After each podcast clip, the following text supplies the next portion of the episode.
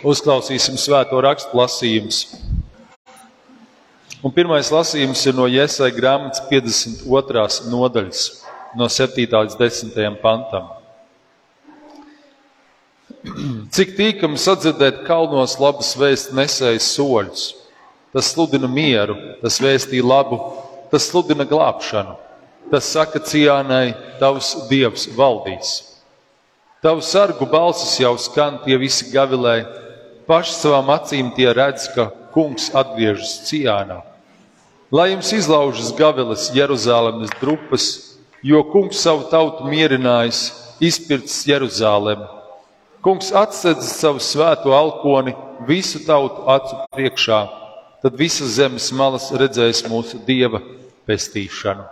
Tā kunga vārds - pateicība Dievam. Un otrs lasījums ir no Galatiešu vēstules 4. nodaļas, no 21. līdz 5. nodaļas 1. pantam. Jūs, kas gribat būt zem bauslības, sakiet man, vai jūs nedzirdat, ko saka bauslība? Ir taču rakstīts, Ābrahamam bija divi dēli, viens no verdzenes, otrs no brīvās. Tas, kas bija no verdzenes, bija dzimis no miesas, turpretī tas, kas no brīvās caur apsolījumu. Šis notikums izsaka līdzību, ir divas derības. Vienas nāk no Sīnai kalna un dzemdē verdzībai, tā ir Hagare. Hagare ir Sīnai kalns Arābijā, un tāda ir tagadējā Jeruzaleme, kas līdz saviem bērniem ir verdzībā.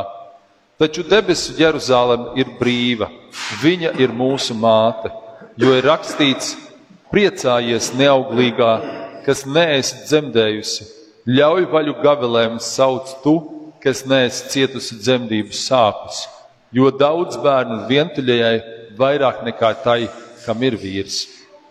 Bet jūs, brāļi, esat apsolījumi bērni, tāpat kā Īzaks, un tāpat kā toreiz no miesas dzimušais vajāja dzimušo no gara, tā arī tagad. Un ko tad saka raksti? Padzen verdzeni viņas dēlu, jo verdzenes dēls nemantos kopā ar brīvās dēlu. Tātad, brāļi, mēs neesam visi verdzenes bērni, bet gan brīvās. Brīvībai Kristus mūs ir atslabinājis. Tad nu pastāviet tajā un neuzņemieties atkal bauslības jūgu. Tā kunga vārds - pateicība Dievam. Mēs klausīsimies evaņģēlīja lasījumu no Jāņa evaņģēlīja 5. nodaļas, sākot ar 47. pantu. Pēc tam Jēzus devās pāri Galilejas jeb Tiberijas jūrai. Viņam sekoja liels ļaužu pūlis, jo tie redzēja zīmes, ko viņš darīja slimajiem. Kad Jēzus uzkāpa kalnā, tur ar saviem mācekļiem apsēdās. Pasha, jūdu svētki bija tuvu. Jēzus pacēla acis un ieraudzīja, ka liels ļaužu pūlis nāk pie viņa. Sacīja Filipam, kur lai pērkam maizi, ko tie mēst? Viņš tā teica to pārbaudīdams, jo pats gan zināja, ko darīs. Filips viņam atbildēja, par 12 denāriem tiem maizes nepietiks, lai katrs kaut mazliet dabūtu. Viens no viņa mācekļiem, Andrejs, Sīmaņa Pētera brālis, viņam sacīja: Šeit ir kāds zēns, kuram ir piecas miežu maizes un divas zivis, bet kas gan tas ir tik daudziem? Jēzus sacīja: Lieciet ļaudīm apsēsties. Tajā vietā bija daudz zāles, un tie apsēdās. Skaitā ap 5000 vīru. Tad Jēzus paņēma maizes un pateicies Dievam, izdalīja mācekļiem, bet mācekļi tiem, kas bija apsēdušies. Tāpat arī no zivīm, cik kurš gribēja. Kad tie bija pa pilnam pēduši, viņš sacīja saviem mācekļiem: Salasiet pāri palikušo maizi, lai nekas ne, ne, nepazustu.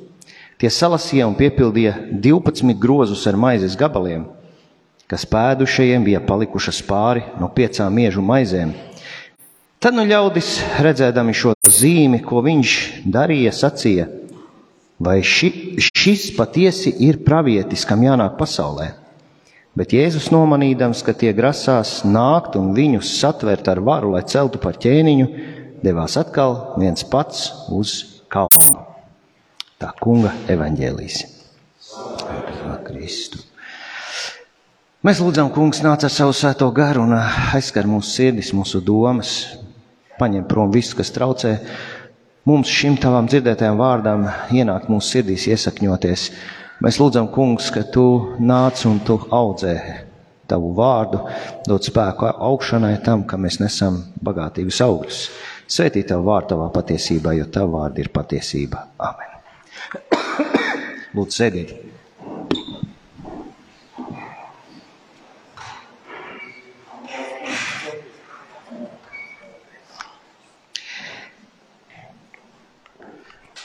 Mēs, eh, kristieši, kuri piedaram jaunai derībai, kuru kungs ir Jēzus Kristus, mēs kaut kādā mērā izjūtam arī šīs eh, vecās derības ietekmi. Kāpēc viņš iet uz priekšu? O, viņš nespied. Es pats. um, mēs kaut kādā mērā izjūtam arī šīs vecās derības ietekmi. Mēs kaut kādā mērā stāvam starp šīm divām derībām, un arī mums Bībelē ir abas derības, un abas ir vērtīgas, un eh, mēs arī lasot veco derību, daudz ko ieraugam par jauno derību, bet mēs tomēr stāvam starp šīm divām derībām tā, eh, tādā mērā, ka Pāvils mēģina mums atklāt, kur lai mēs nepaliekam šajā vecajā derībā. Pāvils to raksta arī tāpēc, ka kristiešiem kas, bija, kas dzīvoja tuvu Jēzus laikam, um, bija īpaši grūti to satvert un saprast, jo viņiem vēl pat jaunās derības nebija uzrakstītas. Un Pāvils braukāja pa draugiem, viņš rakstīja viņiem vēstules. Pāvils ar piemēriem un personāžiem, kas tā laika jūdiem bija pazīstami, skaidri prātā, kas viņiem bija iespiedušies. Um, viņš parādīja, kā vecā derība izpaužas un kā jaunā. Un tas ir tas, ko mēs dzirdējām. Man arī uzruna ir gan no evaņģēlī, gan no vēstules, bet pārsvarā no vēstules galotiešiem 4. nodaļas, ko mēs dzirdējām, ko Raimons lasīja. Um, un lasot šo ceturto nodaļu galatiešu vēstulē, mums mazliet ir apjukums, par ko tad īsti Pāvils runā. Un tur varbūt jūs esat dzirdējuši tādu teikumu, kur viņš saka, padzen verdzeni un viņas dēlu. Nu, tas tā kā domāts Ābrahāms, kuram Dievs apsola uh, tik daudz pēcnācēju, cik zvaigžņu debesīs, un viņš skatās uz šīm zvaigznēm. Un varbūt man jāatgādina tieši to notikumu, par ko nu, tur nav viens notikums, tur ir kaut kāda notikuma virkne, ko Pāvils atstāsta un ņem par piemēru. Eh, savai ilustrācijai, un tas ir Ābrahāms. Ābrahāms, Sāra un Hagare. Dievs uzrunāja Ābrahāmu. Es tādos lielos vilcienos atgādināšu, un Ābrahāms paklausīja, izgāja no kalda jūras, sekoja dievam uz vietu, kur dievs viņu veda, ko viņš pats nezināja. Un tas bija, mēs zinām, tas ir liels ticības solis, iziet no savu tēva mājām. Viņam bija sieva, Sāra, kura bija neauglīga, viņa gribēja bērnu, bet viņiem bērnu nebija. Un tad atnāk trīs vīri. Un uh, teologi daudzi lauzuši prātu par šiem trīs vīriem, kas tie tādi ir. Un ir doma, ka tā ir Dieva trīsvienība. Un Sāra jau bija tādā vecumā, ka viņai vairs nevarēja būt bērni, un tad atnāk šie trīs vīri un apsola, ka viņiem būs bērns. Un Mēs zinām, ka mēs gribam Dievam palīdzēt kādās lietās, ka Dievs apsola, un tad mēs nākam palīgā vai mēs aizskrienam Dievam pa priekšu. Un līdzīgi arī Sāra un Ābrahāms nespēja sagaidīt šī apsolījuma piepildījumu, jo es domāju, viens no faktoriem bija, ka tas bija tik neticams, ka visu mūžu viņi mēģināja tikt pie bērna, kas nesanāca, un tad jau bija sārs, kā saka, dienas pagājušas, un tas bija pilnīgi neticami, ka tur kaut kas var būt. Un tad Sāra sūta Abrahāmu, lai tas guļ pie kalpones Hagaras, lai viņiem ir pēcnācējs, jo savādāk viņi vispār paliks bez pēcnācējiem. Un Hagarē piedzima dēls, Ismails. Bet pēc kāda laika piepildījās arī dieva apsolījums, un Sārai piedzima dēls, kur viņi nosauca par īzaku. Un tad starp Sāru un Hagaru izcēlās kašķis, kā saka, divas saimnieces mājās, ļoti grūti. Un tas beidzās ar to, ka Ābrahāms svētīja Hagari un padzina no mājas ar visu izsmēlu. Es, kad lasu šo stāstu vecajā derībā, man šķiet, nu tā netaisnīgi, kā ar Hagaru ir apgājušies. Bet Pāvils saka, padzen verdzeni šo Hagaru un viņas dēlu. Un mēs varam domāt, ko tas īsti nozīmē. Pāvils salīdzina šīs divas derības, veco derību un jauno derību. Hagare ir vecā derība, un Sāra ir jaunā derība. Hagare ir bauslība, Sāra evaņģēlīs. Kādēļ tāds interesants salīdzinājums?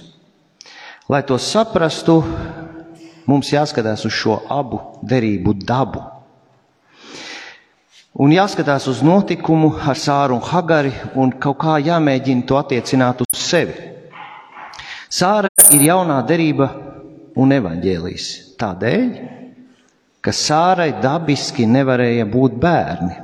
Tādēļ arī Pāvils citē veco derību, kur ir teikts: Priecājies neauglīgā, kas nesi dzemdējusi, ļauj vaļu gavilēm un sauc tu, kas nesi cietusi dzemdību sāpes, jo daudz bērnu ir vientuļai, vairāk kā tai, kam ir vīrs. Es domāju, tur galīgi nav par ko priecāties bet runa ir par sāru. Jo viņai jāpriecājas, viņa ir izredzēta, pie kā notiek dieva brīnums, kur viņa tiek likta par piemēru visai jaunai derībai. Te ir runa par sāru. Un mēs zinām, sāra nevarēja um, tikt pie bērna, viņa bija veca, uh, un viņas laiks bija pagājis, un viņa dabiski arī nevarēja tikt pie bērna. Viņiem vienkārši nav bērni, viņa neauglīga. Un te nāk Dievs un dod apsolījumu, kas piepildās, notiek brīnumi, ka Sārai piedzims dēls Īzaks, kas vispār ir neiedomājami. Turpretī Hagare, mēs tagad skatāmies uz tām dabām. Hagare varēja piedzemdēt dabiski, un viņai gadi bija atbilstoši. Mēs varam domāt, kā tas attiecās uz mums. Ja mēs skatāmies eh, šajā gaismā un eh, skatāmies uz šīm divām derībām un skatāmies uz mums, tad eh, mūsos ir abas gan Hagare, gan Sāra. Un, ja mēs skatāmies uz šo veco derību un uz mums, bauslība ir dabiski ierakstīta mūsu sirdīs. Mēs to ļoti labi zinām, saprotam. Tā mums pielec. Um, mums pat gribās šo bauslību darīt un pildīt, ja mēs runājam par tādām nu, lietām, kur mēs cīnāmies, sasniedzam, izpelnāmies un tā tālāk. Mēs zinām, kas ir labs un ļauns, un um, mums ir dabiski censties būt labiem. Bet tas mums neko nelīdz, toties Dievam. Jo Hagarei neko nedeva tas, ka viņa izdarīja to, ko Sāra un Ābrahāms no viņas gribēja. Tas viņai neko nedeva, lai viņa varētu palikt pie Ābrahāma. Viņa tik un tā tika padzīta. Mums neko nelīdz cenšanās piepildīt bauslību, jo tas nedod dieva bērna statusu. Hagaris dabiski dzimušais dēls neiemanto Ābrahāma namu. Pārdabiski dzimušais Īzaks manto Ābrahāma namu un svētību, ka caur viņu dzims daudzas tautas. Un tāpat kā Izmaēls un viņa pēcnācēji ir konfliktā, viņi ir konfliktā Ismaēla un Īzaka pēcnācēji. tāpat arī konfliktā ir Hagare un viņas pēcnācēji mūsos, tad šis dabiskais cīnās ar pārdabisku. Un, un varbūt tādā drusku saprotamā veidā mēs esam miesīgi dzimuši saviem vecākiem, mēs esam arī piedzimuši pārdabiski no augšienes caur kristību, ticībā uz Jēzu Kristu. Mēs esam jauns radījums, bet arī šis vecais mūsos mums dod par sevi zināt. Un šis miesīgais cilvēks, viņš vēlas tuvoties Dievam, rādot savus darbus. Bet jaunais tuvojas Dievam, piedzīvojot Dieva, Jēzus un Svētā gara mīlestību. Un tas, ko Pāvils vēlas pateikt, ka šis vecais nepaliks namā, ka tas neiemantos tēva mantojumu, bet gan tas, kas ir piedzimušais no augšienes. Šie abi ir mūsos. Un mēs tiekam brīdināti, lai mēs nedodam labu augsni dzīvē šim vecajam, kurš meklē kā ar bauslības pildīšanu nāk pie dieva. Pāvils saka, padzen, vērdzeni un viņas dēlu. Mums ir šis jaunais cilvēks jāmeklē sevi, bet vecais jāpadzen. Kā to izdarīt? Nu, tā ir visa kristiešu dzīve. Mēs to darām nemitīgi, katru dienu. Katrā situācijā, protams, mēs nokļūstot un meklējot šo jauno cilvēku, mēģinot ieraudzīt veco, mums jāsaka, Dievs, ko, kā, ko man, kā man rīkoties. Mēs varam no viņa mācīties. Mēs varam jautāt, kā šis jaunais, jaunpiedzimušais cilvēks manī rīkosies šajā situācijā.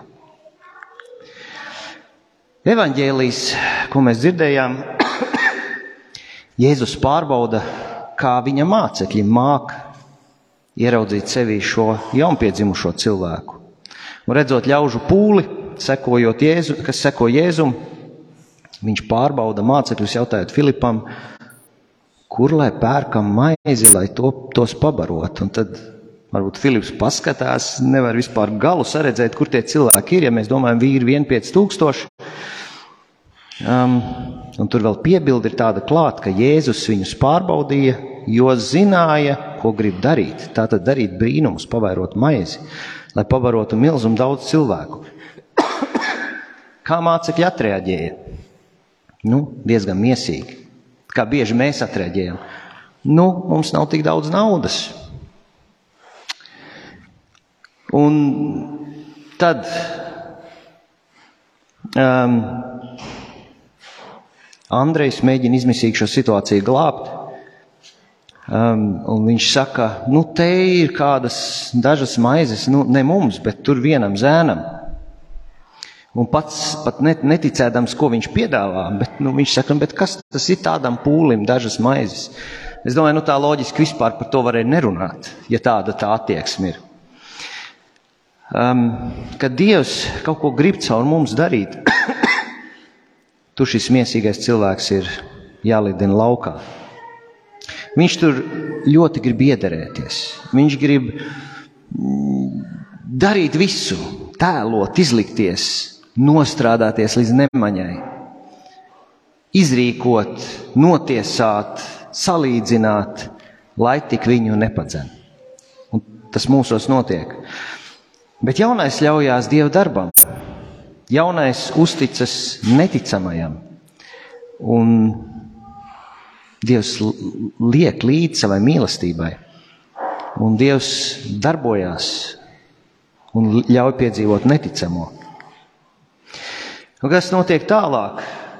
Ļaudis piedzīvo brīnumu. Viņi tieši, tiešām piedzīvo to, ka no dažām maizēm un zivīm tiek pabarots tāds milzīgs pulks, un vēl mācekļi no atlikušām druskām salasa 12 grozus. Nu, tur kaut kāda simbolika tajā ir 12 Izraēla ciltis, bet no pārpalikuma vēl 12 grozi paliek pāri. Un ļaudis saprot, šis ir gaidāmais pravietis, jeb mesija, kam jānāk. Dāvida pēcnācējiem, kas valdīs, tas ir viņš. Un tad ļaudis ieslēdz savu izsmēlu. Un viņi nāk ar varu iecelt Jēzu par ķēniņu. Un šeit mums ir viela pārdomām. Mēs varam padomāt, cik daudz mēs um, dodam vaļu šim miesīgam cilvēkam mūsos, un kur tur atrodas tas no augšienes piedzimušais cik mēs dodam vaļu šim garīgajam. Mēs varam lūgt, lai Dievs mūs vada, ka mēs šīs proporcijas varam izmainīt līdz Hagare mūsos tiek padzīta. Lai Dievs to mūs svētī. Amen!